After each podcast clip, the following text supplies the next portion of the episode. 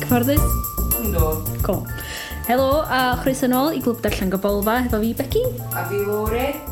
Bob mis dyn ni'n dewis dau lyfr i ddarllen a wedyn yn dod at yn gilydd i drafod ar y podlediad. Mis yma, dyn ni wedi bod yn darllen Arlwyr Ser gan Angharad Thomas a Cleopatra yn Frankenstein gan Coco Mellors.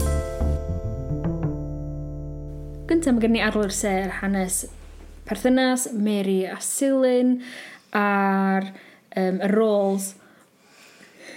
Mae'n iawn ti eisiau tag? Na, no. um, a rôl maen nhw'n chwarae yn kind of hanes, sosialaeth ac addysg um, pobl yng Nghymru ac kind of forest Gump o nofel lle maen nhw yn nabod pawb pwysig. yn ffeindio hynna'n ar trobwynt lot o um, digwyddiadau hanesyddol pwysig, dwi'n meddwl. Mm. Da ni'n ymwybodol ohonyn nhw. Ac, um, ie, yeah, stori gariad hefyd rhwng Mary a Silwyn. Sut nes di ffeindio'r nofel? O'n i'n ffeindio bod... Um, Dwi'n meddwl bod fi erioed wedi darllen nofel, ha nofel hanesyddol o blaen. A Anghara Thomas ydy um, awderes gorau fi'n Cymraeg um, dwi'n caru gwaith yng Nghara Thomas. A fel arfer, dwi'n ffeindio gwaith yng Nghara Thomas yn hawdd iawn i ddarllen. Ond o'n i'n ffeindio efo hwn, oedd y stori gariad yn hawdd i ddarllen. Ond o'n i'n ffeindio, achos bod yna gymaint o ffeithiau pethau fo, o'n i'n ffeindio fo'n anodd i gymryd, i, i, um, gymryd y gwybodaeth i gyd mewn. Um, a dwi'n meddwl hynna achos bod o'n nofel hanesyddol ac yn a lot o ffeithiau yn y fo. So, um, dwi'n meddwl hwn ydy llyfr Angharad Thomas, dwi wedi ffeindio yn bersonol mwyaf anodd i ddarllen, ond hynna achos bod na nofel hanesyddol ydy o. Dwi'n gytuno i ryw raddau nes i sirclo hefyd, ond ia, ddim bod fi ddim di mwynhau o, ni'n meddwl bod o'n stori lyflu, nes i rili really mwynhau darllen o, ond o'n i'n teimlo pwysau achos bod ni'n bod ni efo deadline achos bod ni'n gwybod bod ni'n recordio hwn ar ddiwedd y mis ac isio gorffan o, fel arfer, swn i jyst i cymryd yr amser a di darllen o yn amser fi'n hyn, ond achos bod ni isio trafod o, diwedd mis yma wan, o'n i'n teimlo fatha pressure ac o'n i'n gorfod darllen o ar chydig bach o has, dylla. Um, so, ie, fel ti'n dweud, oedd o'n anodd weithiau i'r ffeithio sticio neu'r holl gymeriadau gwahanol sticio yn bren fi. Ond nes i really fwynhau'r stori rhwng Mary a Silyn a rôl Mary really hefyd a gweld y gwaith i gyd mae hi wedi gwneud yn, han yn hanes wtha'r addysg Gymraeg ac um, coleg harlach a falle. Ia, yeah, um, dwi'n cytuno efo chdi swn i di licio darllen o yn slo dros cyfnod hirach achos um, i gymryd y ffeithiau i gyd mewn ond wedyn um, Dwi'n hefyd, o'n i yn gael um, prawf gyrru, nes i basio, ond... Um, Llongymwyrchiada. O'n i, o'n i fatha eisiau canolbwyntio ar ymarfer um, direiddio, a wedyn nath hynna... Nath hynna, nes i roi lot amser mewn hynna, felly yn y diwedd nes i ddarllen nes i ddarllen lot yn gyflym yn y diwedd, a dwi'n meddwl nath y ffeithiau i gyd sy'n cio mewn. Mm. Dwi'n meddwl bod o'n slow burner, ia. Ie, yeah, bendant, achos mae'n rhywbeth dwi dal i feddwl amdano fo rwan, a dwi dal yn teimlo bod y stori rili really wedi cyffwrdd yn y fi, a mae gen i diddordeb mynd i rei o'r llefydd maen nhw'n sôn amdano fo, a, a dysgu mwy ella am, am waith Silin a Mary. Ie, yeah, dwi'n gwytuno, mae yna pethau rili really da am fod yn rhan o glwb darllen, sef, da ni'n awgrymu llyfrau yn gilydd, da ni'n dod ar draws llyfrau gawduron newydd, mae o'n rhoi yr um, ysbrydoliaeth na'r cymhelliant na i ni darllen, a rhoi amser i ni'n hynna'n darllen, yn gwybod bod ni eisiau gorffen llyfrau erbyn amser penodol. Ond weithiau mae'n eitha llym hefyd yn dy, ti, sgyn ti mae'r un fath o ryddid i piced mewn o gallan o llyfr yr un ffordd y fysa ti. A ti methu stopio darllen llyfr a rhoi lawr a dechrau nôl yn efo mis wedyn. Mm. Ti'n gorfod darllen o o fewn y mis. Ie. Yeah. Ie, yeah. dwi'n gytuno os ni di ella darllen rhywbeth ar y cyd hefo fo, dwi'n meddwl. Ie. Yeah. Just i roed amser i'r wybodaeth yna i bren fi am signo fo chydig mwy. Dwi'n meddwl swn i jyst yn darllen un penod ar y tro, a mae'r penodau yn eitha byr sy'n neis, achos mae'n lot o wybodaeth gymryd mewn, ond mae di torri lawr fel bod y penodau ddim rhy hir ac o'n i'n licio yna. Mm. Oeddech chdi'n gwybod unrhyw beth am hanes Silyn a, a Mary cyn hwn ta? Na, o'n i'n gwybod dim byd. Na, na fi, a dwi'n rhyfeddu bod fi ddim. Dwi'n meddwl bod oedd yr enw Silin yn gyfarwydd, ac mi oedden nhw'n byw yn, yn Hanna Grisia, yn Blaen y Ffestiniog, sy'n eitha agos i lle dwi. Um, mi oedd Silin yn dod o ddiffryn Nantlle, ac maen nhw i weld wedi bod yn rhan o lot o adegau really pwysig yn hanes Cymru, mm. ond eto dwi'n teimlo fatha bod fi ddim really yn gwybod, a dwi'n gwybod, di hynna just achos da ni heb gael yn dysgu amdano fo, efallai bod o ddim mor gyfarwydd a hynny, ac bod nhw ddim mor adnabyddus ar rhai o gymeriadau eraill yn hanes Cymru, ond Dwi'n teimlo fatha bod o'n rhywbeth really pwysig a gret bod angharad Tomos wedi sgwennu fo, o bod ni'n gwybod amdano fo? Dwi'n meddwl, um, dwi'n meddwl achos, um, dwi'n meddwl bod nath angharad Tomos sgwennu y nofel amdan y cymeriadau yma achos bod hanes nhw ddim yn well known ag enwog. Dwi'n meddwl bod y fatha darn coll a hanes ac oedd eisiau codi ymwybyddiaeth. So dwi'n meddwl bod hi wedi dod â um, wbeth dil, fatha sydd ddim yn cael ei, sydd, sydd cael ei gofio bod y rheswm nath i sgwennu fo oedd i bobl um, ddod i nabod y hanes yn well. Mm. Achos ar y diwedd mae'n sgwennu fatha ôl nodyn dod, um, yn esbonio mae hi'n wyres i David Thomas yn yr cymeriadau So ffrind Mary yn y nofel nath ysgrifennu cofiant Silyn ydy taid yng Ngharad Thomas. O. Oh. Ie, yeah, so mae gen i cysylltiad mawr hefo dod y pobl o fewn y stori yma. Ie. Yeah. Sydd yn gret.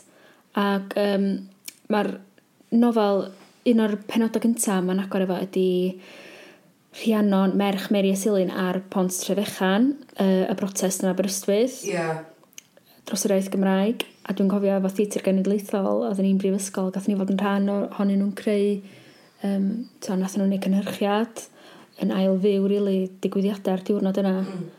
uh, Mae'n eitha ni'n gweld hynna, gweld y lluniau a pethau, a dod i'n abod y cymeriadau oedd ar y bont yna. Yeah. O fewn y nofel yma un o'r peth eraill o'n i ffeindio'n really ffynnu er fi ddeud bod o'n kind of fatha Forrest Gump. Chos mae Forrest Gump yn, just yn ffeindio hun mewn sefyllfaoedd yn kind of, yn yn... Hanesyddol. Ie, yeah, ond mae o just popio fyny fatha bod o wedi bod yna erioed lle yn y mm. cefndir ac yn cwrdd efo'r president a bob dim fel la. Ac o'n i teimlo fatha, oedd bron bob yn ail penod o'na just oedd rhyw gymeriad neu gwleidyddion rili really adnabyddus neu pobl rili really pwysig yn hanes Cymru ac oedd Mary a Silyn just yna o hyd yn nabod yeah. y bobl iawn i gyd ac yn um, tad, dyn ni'n clywed am yr, y, y bardd Elis Wyn o, o um, Trosfynydd yeah. yn hogyn ifanc oedd yn, yn dod i bod na fod i Hedd Wyn wrth gwrs sydd yn marw yn y rhyfel a wedyn ar Williams Parry maen nhw'n golaf o'n Bob mm. Tod, y bobl dwi wedi astudio yn ysgol mm. a di astudio cerddi nhw ac dwi'n meddwl yn ymhen i, mewn rhyw ffordd, mae rheini, maen nhw'n chwedlonol, dyn nhw'n bobl go iawn, maen nhw'n mm. bobl, mm. da ni'n astudio, maen nhw'n bobl oedd yn byw blynyddoedd maith yn ôl. Tywad, dwi'n ffeindio mae'n rhyfedd bod nhw'n bodoli o fewn byd go iawn. Yeah. Ac just, na nhw wedi just y cymeriadau cefndirol yn y nofel yma i, i Mary a Silyn. Ie. Yeah. Dwi'n meddwl oeddech chi gallu deud na Angharad Thomas oedd di sgwennu fo mewn ffordd ydy o, Achos dwi'n meddwl bod hi'n Gristion, ia. Okay. A wedyn, dwi'n meddwl yn y llyfr, oedd ochr Cresnogol Selin wedi cael ei bonsriadu yn gry. Mm. A wedyn, um, oedd y capel yn chwarae rhan yn y fo. A dwi'n meddwl bod... Um, bod eich oedd y Cresnogaeth yn bwysig i Angharad Thomas. Ond un rhan rili really diddorol lle mae Silyn ar, yn Llundain mae o, achos mae o, tod, da ni'n gweld, da ni'n meddwl bod o'n berson rili really da, a swn i'n mewn gwadu bod o, um, rhywun egwyddorol iawn, ag sosialydd, tymod, ond mae o'n dod yn ôl o Llundain ni'n trod meddwl yn teimlo'n iog, achos mae o wedi deud wrth beth ni jyst yn galw yn sex worker neu rhywun heddiw, yeah. um, tad pitain bod hi'n mynd i uffern a hyn a llall. Ie, yeah, dwi'n cofio hynna fe, do'n i'n meddwl bod hynna'n hash o'n i'n meddwl bod o fatha, o'n i'n meddwl bod o fatha yn... Um, yn kind of dangos y cyfnod bod fatha pobl eich mwy judgmental o pobl sydd ddim yn byw bywyd um, conventional mm. ar yr adag a o'n i'n bod atab hi'n drist nath, nath i ddeud o am o edyn yn hel ac oedd yn fatha kind of dangos o ti'n gwybod fatha o bywyd, o bywyd hi digon anodd fel oedd o ia mm. a hefyd yr um, rhagrith alla sydd o fewn Cresnogaeth um, neu unrhyw tod, crefydd rili really, ydy bod y person sydd yn yn practisio'r crefydd yna a meddwl na nhw sydd yn wirioneddol gywir yeah. o hyd a mae Silin yn dod o'n yn gwybod tod, ella bod o di gwneud y pethau'n hwyr. Ie. Yeah.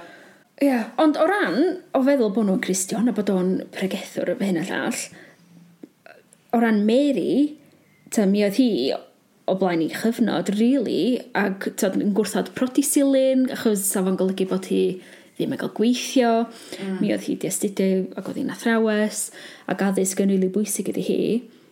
Ac oedd hi'n gwybod sut sa hi'n prodi silyn, sa hi'n wraig i weinidog, ac tyd, ella sa i...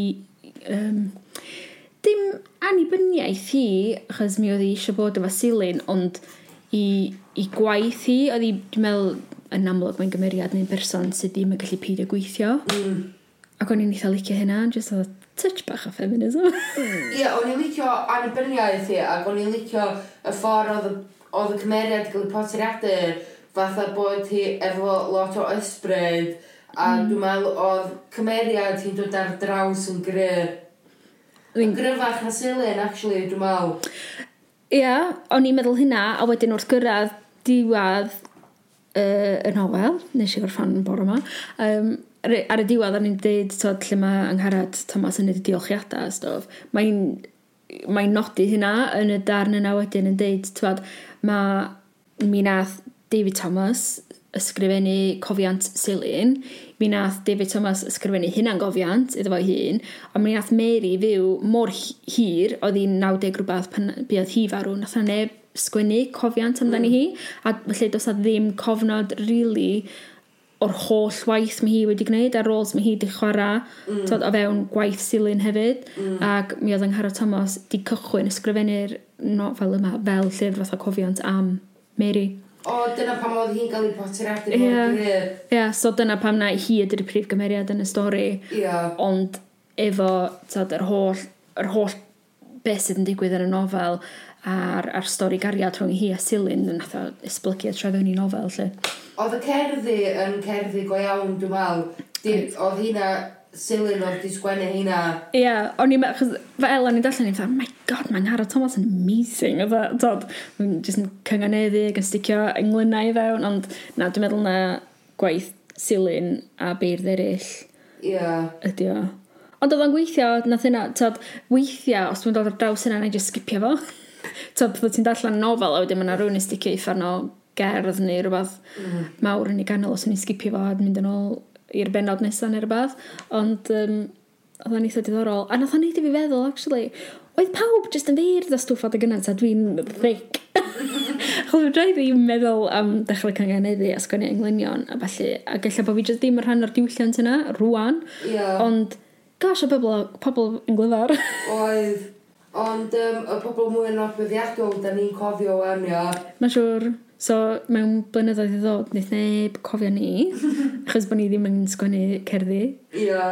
O'n i'n gweld o'n drist bod y wirion a wirion wirionesa y Mary ddim yn siarad Cymraeg. Mm. Ti'n gweld fatha pam nath nhw ddod at y, dr- pam nath y hogan a ddod at y drws, mm. a fi methu siarad Cymraeg O'n i'n gweld hynna'n drist achos oedd Mary a Selyn yn gymaint o rhan o'r diwylliant Cymraeg. Yeah. Oedd o'n fatha, mae'n drist, mae'n pethau gweithio allan weithio. Mae'n rhyfedd ydy, achos sa ti'n meddwl bod nhw'n etifeddu jyst chydig bach o personolaeth i rhieni nhw. Yeah. Ac dim just bod Silyn a Mary yn Gymraeg ac yn siarad Cymraeg, maen nhw wedi gweithio yn rili, really, rili really galad er mwyn sicrhau addysg Gymraeg i bobl mm. yn lleol a tyd, yeah, dim just hap a damwain bod nhw'n siarad Cymraeg. Mm. Maen nhw wedi brwydro drosto fo, a wedi rili really gweithio mm. ar ei gyfer o i rei o plant nhw i hunan ddim teimlo'n, ia, yeah, ddim teimlo'n gryf amdano fo mewn unrhyw ffordd. Ia. Yeah. Ia, yeah, da ni'n ffeindio hynna'n rili really drist. Ac ella bod yna beth da, mae o'n dda bod ni ddim o hyd fel rhieni ni am hwnni, a just, mm. mae'n just dilyn y drefn. Ond, my gosh, ia, yeah, ni'n ffeindio fo'n drist, mae'n fatha cymryd, tod, cam ymlaen a dau gam yn ôl efo'r ddau plentyn sydd yn gwrthod really dysgu Cymraeg i plant ni ddim hyd yn siarad llawer ohono fe hunan. Mm. Weird. Be o'ch ti'n meddwl am yr elfen gariad rhwng Mary a Silyn? Chos o'n i'n meddwl bod hynna'n eitha cute. O, o'n i'n meddwl bod yna tension sy'n rili neis yn efo, fatha pam ddyn nhw'n cysanu a pam ddyn nhw'n cyfleidio i gilydd a just fatha ffordd oedden nhw'n gweld i gilydd, o'n i'n gweld o'n anwyl iawn, ia. Mm. O'n i'n meddwl bod o'n, um, o'n i'n meddwl bod, ia, nath o dwchad fi, ia.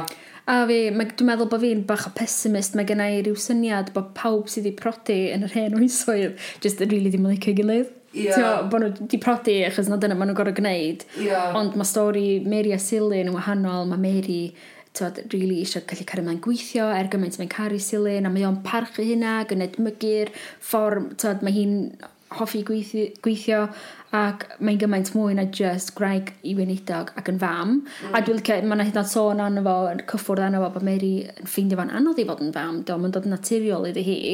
Ie, o'n i'n gweld hynna'n eitha refreshing, achos fatha, dwi'n meddwl efo fatha, fatha, ti'n gwybod fatha yna hen ddyddio pan mae pobl yn cael lot o blant a oedd chdi'n mynd dyraig a o bron pawb yn dyraig a ti'n meddwl amdano nhw fatha pobl o'r oes yna, fatha just fatha mam, mm. ond fatha oedd hi yn person i hun, ia.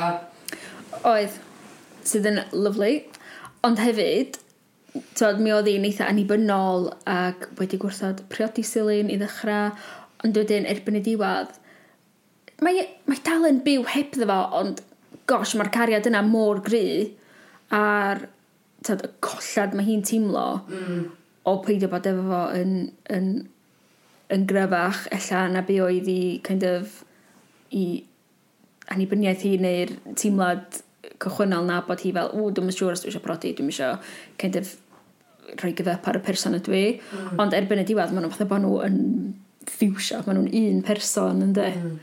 So mae'n rili really neis bod Mary o'r diwedd yn gael kind of i siar hi o'r, or clod a mae'r holl waith maen nhw wedi creu efo'i gilydd. ia Yeah. Dwi'n meddwl oedd y llyfr yn bendant o ddathliad o fanna hef. Ie. Yeah. Um, a dwi'n rili really falch bod fi wedi darllen amdani. A fi fed, fedd enw y boedd y research o uh, gwaith Dafydd neu wbeth ddech chi'n Dafydd, David Thomas. Oedd... David Thomas. Ie. Yeah. Beth enw graig fo? Bet. Ie, yeah, o'n i'n meddwl bod yn ofnadwy o drist am bet wedi bod mewn ysbyty meddwl am gymaint o amser. So dwi'n meddwl oedd na fatha tragedy yn y llyfr ac oedd bywyd, oedd bywyda'r pobl efo teristwch a cymleth doda a wedyn oedd hi wedi mynd i sbyty meddwl ac oedd hi'n methu watched ar ôl plant i ac o'n i gweld hwnna'n elfen drist o'r llyfr. Ti'n rili really iawn, nath hynna dara fi, um, actually, faint o drychinebau pethau mae'r cymeriadau, dwi'n galw nhw'n cymeriadau, maen nhw'n bobl iawn sydd wedi byw, mm. wedi bod drwyddo fo. Mm. Da ni'n sôn am pobl nath fyw drwy rhyfel byd cyntaf, yr ail rhyfel byd, trychineba o fewn um, tod, chwareli a pylla glo ac be arall? Wel, ti'n dweud... Tragedies personol o fewn teulu nhw ac o fewn mm. perthnasa nhw, ia. Ie. yeah. a mae'r bobl yma di byw drwy gymaint, mwy na fe drai hyd na ddychmygu na dy gymod efo fo, ond hefyd di gallu creu gymaint. Tod, ran agor coleg a, a, a sefydlu, dwi'n gwybod, canghena o'r blaid llafur a'r sosialaeth ar i bob dim fel beth dwi ddim yn dod yn deall. Ond maen nhw wedi gwneud gymaint a dwi'n teimlo fatha my god beth da ni'n gwneud ia so dwi'n yn gallu yeah, trefnu byg ar ôl i gymharu efo faint maen nhw wedi byw drwy fo a dal wedi cyflawni. Ia yeah. mae'n eitha anhygoel. Yndi dwi'n meddwl bod o'n kind of dangos y wyllus cry a cymeriadau cry. A sut di pobl ddim yn cael ei... Um, sut mae pobl yn cario maen yn mynd, dim ond beth sy'n digwydd. Mm. A bron a bod mae'r collad a'r holl trachineba bob dim sydd yn digwydd yn cryfhau nhw ac yn, ac yn gwyllio nhw mlaen ac yn, yn gorfodi nhw i cario mlaen a creu rhywbeth allan ohono fo. Mm. Yeah. Ww, ta bai mwyaf dwi'n siarad amdano fo mwya dwi wedi ddod fe o'r llyfr.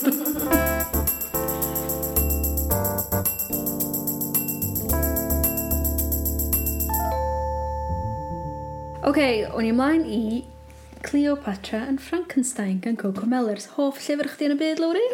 Um, Nes i licio fo. Um, Dwi'n meddwl oedd o yn wahanol iawn i llyfr Anghara Thomas. Oedd o mwy fatha a oedd o oedd ddim yn hanesyddol a um, o'n am ffeithiau i ddysgu yn y fo, ia. Dim plot. Ia, oedd am... Ond oedd y fatha... Oedd y fatha pobl a bywydau rili really gwyllt. Ac oedd o'n eitha diddorol, oedd o'n dan perthasa pobl efo'i gilydd. Ac oedd y fatha... Um, o'n i'n ffeindio fo'n ddiddorol. Chwer o teg i chdi am driad ora.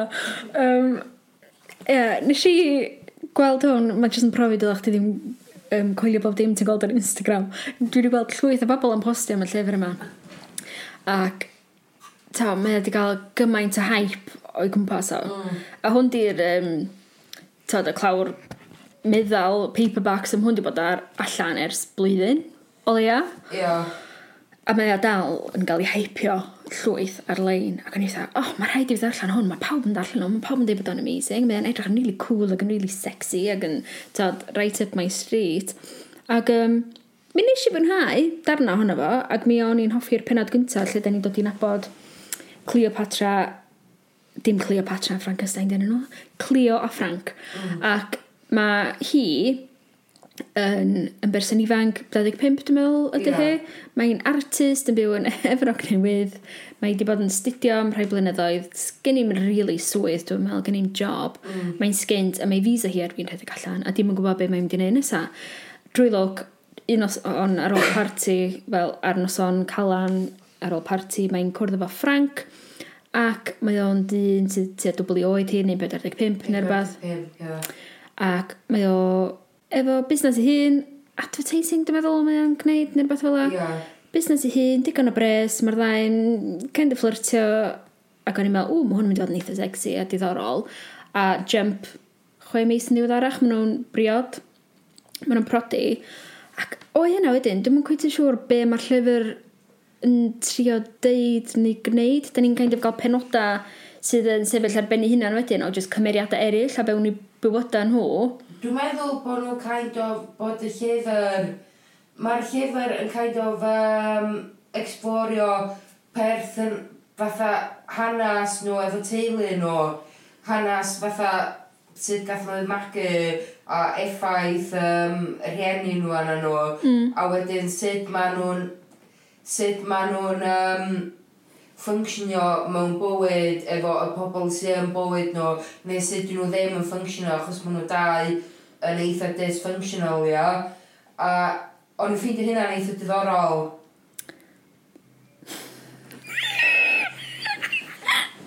Dwi'n trio dweud, dwi'n gytuno, ond... Oh.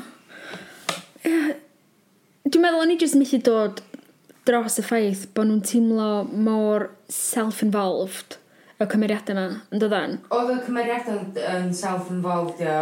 A bob un ohonyn nhw mewn ffordd. A fel ti'n dweud, mi oedd bob un ohonyn nhw wedi cael ei effeithio gan tad i perthynas nhw um, efo i'r rhieni tyfu, pan oedden nhw'n tyfu fyny, neu um, rhai cymeriadau efo um, y perthynas gan nhw efo hen gariadau neu gwragedd neu rhywbeth, maen nhw wedi mm. colli. A, ond o'n rhai pethau, o'n i jyst yn ffeindio pam bo chdi yn y llyfr, be wyt ti'n ychwanegu, be wyt ti'n neud, fatha stori i ffrind un o'i ffrindiau gorau hi, um, dyn hoio sydd yn, yn dechrau perthynas efo rhywun newydd, ac um, o'n i teimlo fatha, ia, yeah, doedd o, o gen fo jyst ddim gras o gwbl, oedd o kind of fatha...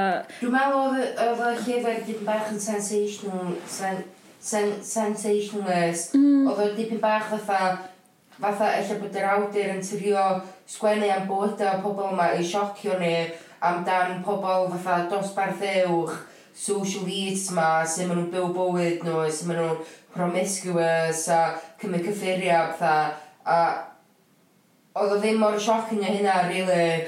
Na, dwi'n deall yn union byw ti feddwl, ia, yeah, gret, da ni'n gweld tad pobl middle class yn, on, ar, ar gwirionedd tu ôl y ffasad ma, bod nhw'n bobl perffaith efo pres yn edrych yn amazing ac efo perthynas a priodas hapus a stof ac yn mynd allan bob weekend a gael hwyl a yn byw bywyd social really cool.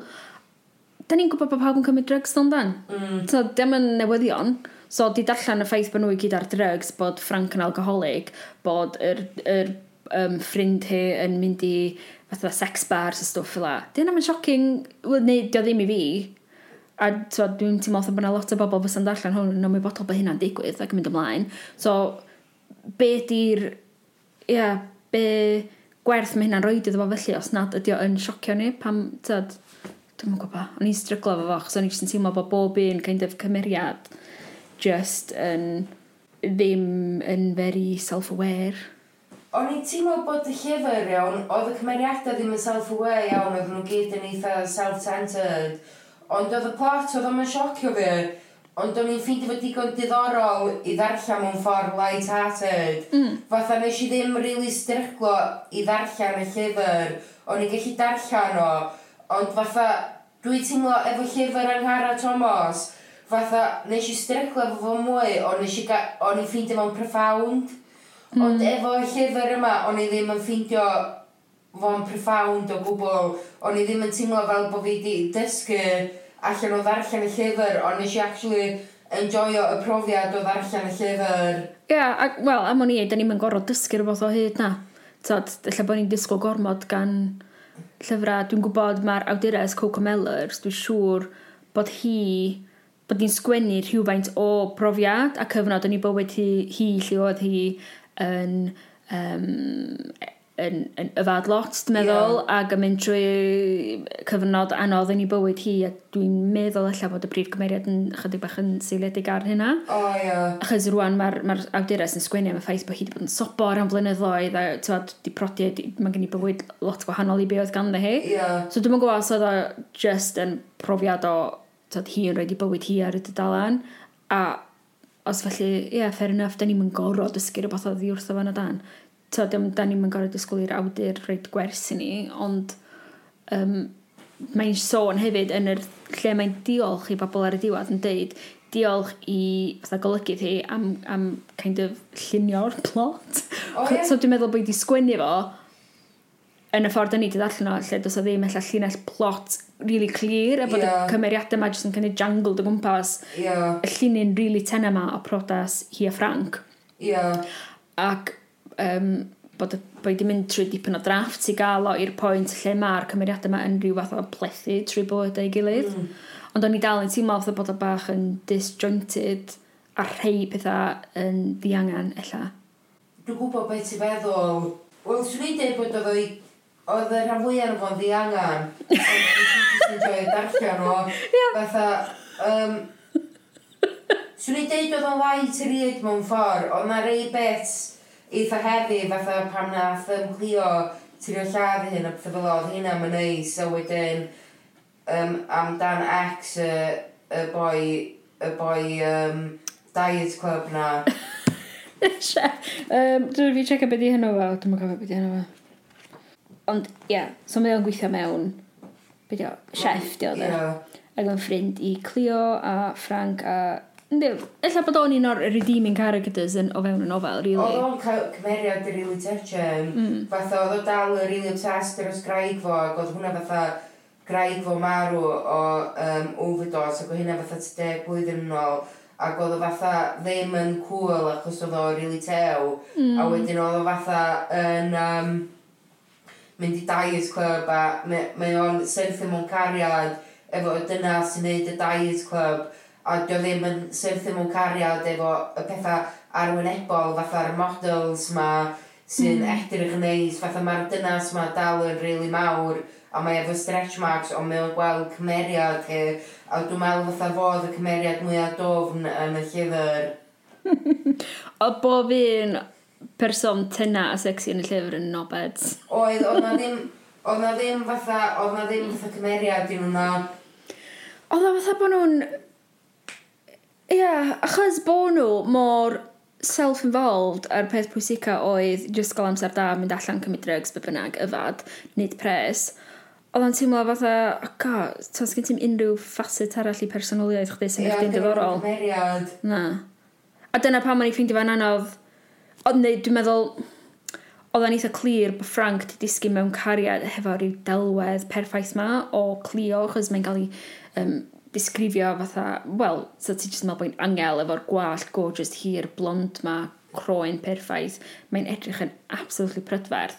Ac rhyw fath o tortured, tortured artist, so... Dwi'n cofio y dair yn o'n fo, lle oedd y dynas nath um, Frank Brody wedyn yn disgrifio Clio, ac oedd hi'n deud di ddim yn dlws, mae gweddusau hi'n dena, a um, mae mae'n edrych yn blaen, dwi'n meddwl nath i ddweud. O oh, ie? Yeah? A wedyn o Frank di disgrifio hi'n rili really dal, ond oedd hi dweud di ddim yn... Mm. Mae'n glwys mewn ffordd, ond di ddim mewn ffordd arall. Dwi'n meddwl o Clio fatha y models na, oedd... oedd dwi'n gwybod, dwi'n meddwl i rei pobl o Clio yn edrych yn glwys ac i pobl eraill oedd i ddim. Dwi'n meddwl oedd hi'n... Um, oedd hi'n um, fatha um, stereotypically good looking. Na. A dyna pan bod fi'n meddwl weithio bod mae Frank jyst i kind of disgo mewn cariad hefo i dychymyg fo'i hun a yeah. bod di clio'n amlwg ddim yn rhywbeth oedd o'n meddwl i gychwyn efo. Yeah.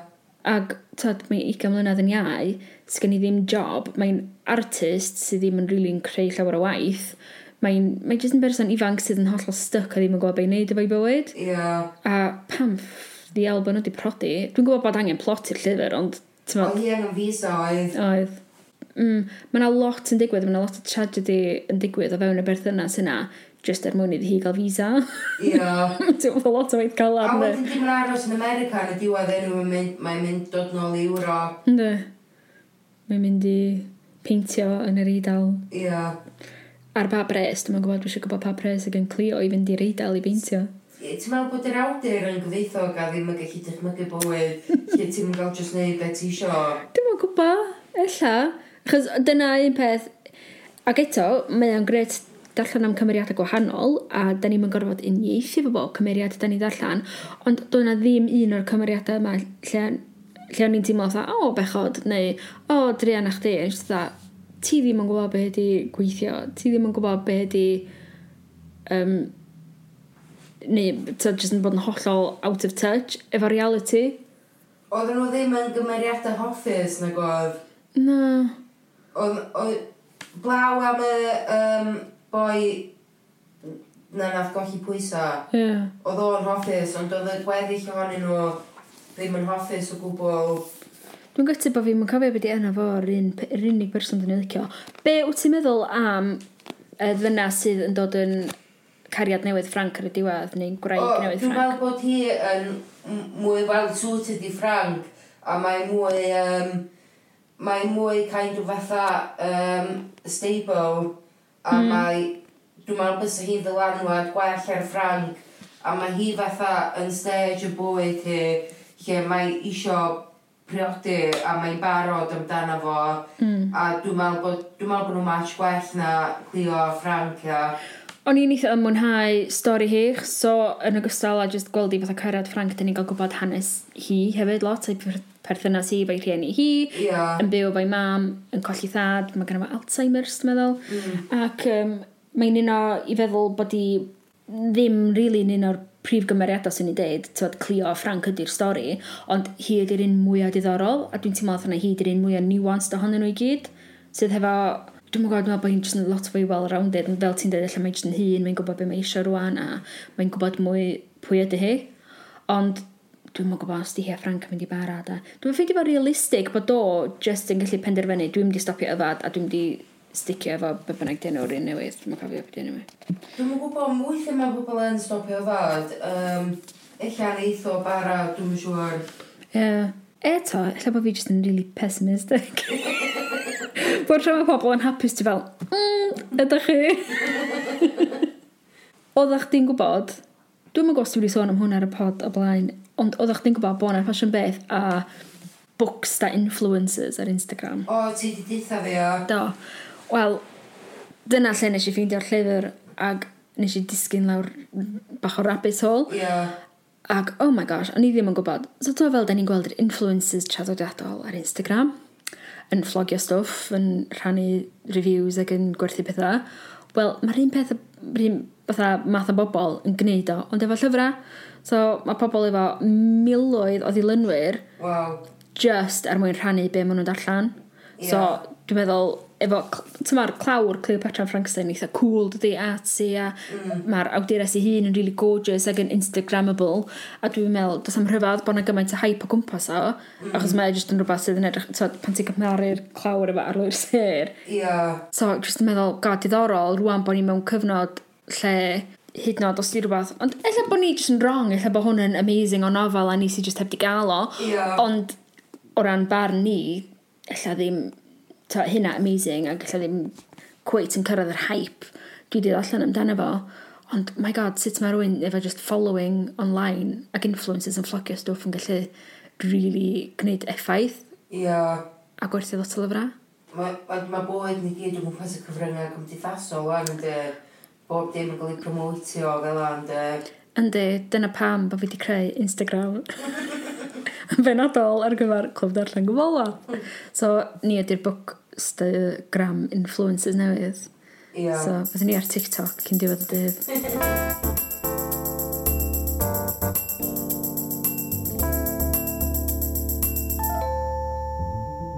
mis nesa, dwi'n really excited ar gyfer llyfrau mis nesa, so. E. Da ni mynd i fod yn darllen Twll bach yn unil gan Llio Maddox. Dwi wedi bod eisiau darllen hwn ers ages, a dwi'n really really hapus bod ni'n gael wneud efo'n gilydd a wneud e ar y pod. A wedyn, ti di awgrymu wneud i gael llyfr gan hwyn a da ni'n mynd i ddarllan Never Let Me Go gan Katsuo Ishiguro? Dwi'n meddwl. da ni'n licio dewis awduron, da ni'n mynd siwr sut ti uh, deud enw nhw. Ond dwi wedi gweld y ffilm yma blynyddoedd yn ôl, a dwi'n rili edrych ymlaen i weld beth fydda fel i ddarllen. So dyna ni, fyddwn ni'n ôl mis nesaf efo twch bach yn y niwl a never let me go. Ciao. Ciao.